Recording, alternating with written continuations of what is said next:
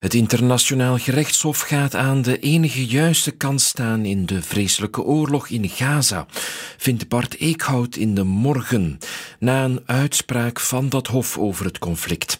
En die kant is de kant van de vele onschuldige slachtoffers. Het voorlopige oordeel van het internationaal gerechtshof is geen overwinning voor Hamas of Israël. Het is in de eerste plaats een overwinning voor de internationale rechtsorde. Hoe lang kan Israël nog aan de internationale druk weerstaan om de oorlog in Gaza te beëindigen? vraagt Timmy van Diepen zich dan weer af in het belang van Limburg.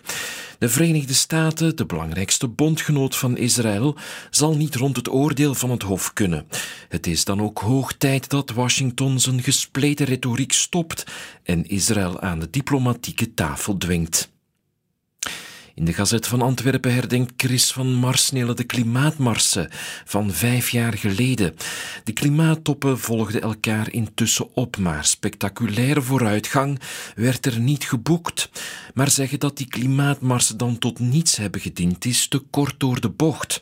Het is altijd beter om te ageren en te discussiëren dan om gelaten of cynisch aan de zijlijn te blijven staan. Uit onderzoek van de Vlaamse Stichting Verkeerskunde blijkt dat acht op de tien fietsende middelbare schoolstudenten bijna nooit een helm draagt, weet Pieter Le Saffer in het Nieuwsblad. Maar een algemene verplichting is misschien ook niet meteen de beste oplossing. Er ligt ook een verantwoordelijkheid bij de automobilisten en bij de gemeentebesturen. Het is niet enkel aan de ouders om hun kinderen voor ongevallen te behoeden. Karel Verhoeven kijkt in de standaard tot slot nog eens vooruit naar de verkiezingen en de mogelijke thema's. Vlaams Belang bijvoorbeeld bezet het thema migratie.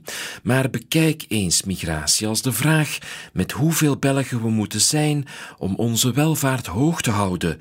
En dan wordt ook over de keerzijde ervan een echt constructief debat mogelijk.